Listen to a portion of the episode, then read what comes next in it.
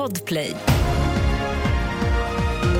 Det här är senaste nytt. Den 32-åriga kvinnliga domstolsanställda som läckt sekretessbelagda uppgifter till ett kriminellt gäng fälldes idag i Attunda tingsrätt i Stockholm för brott mot tystnadsplikten och dataintrång.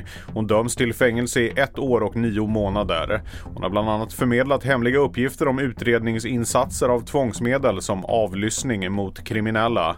Infiltrationen upptäcktes efter att Stockholmspolisens spanare började uppleva att ett kriminellt gäng i Sollentuna hela tiden låg steget före. En kvinna i 45-årsåldern hittades död i Torshälla i Eskilstuna kommun i måndags.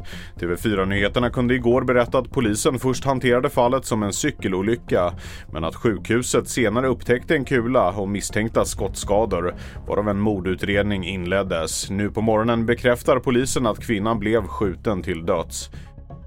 Rysslands president Vladimir Putin håller just nu sin årliga presskonferens där han i timmar svarar på frågor från publiken och berättar om året som kommer. Förra året ställde Putin in för första gången på tio år och i år väntas stort fokus ligga på vårens presidentval.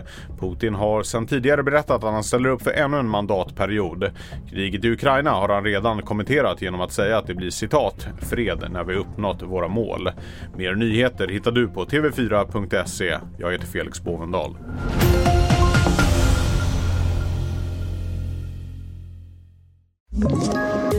Poddtips från Podplay.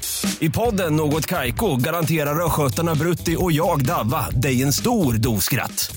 Där följer jag pladask för köttätandet igen. Man är lite som en jävla vampyr. Man har fått lite blodsmak och då måste man ha mer. Udda spaningar, fängslande anekdoter och en och annan arg rant.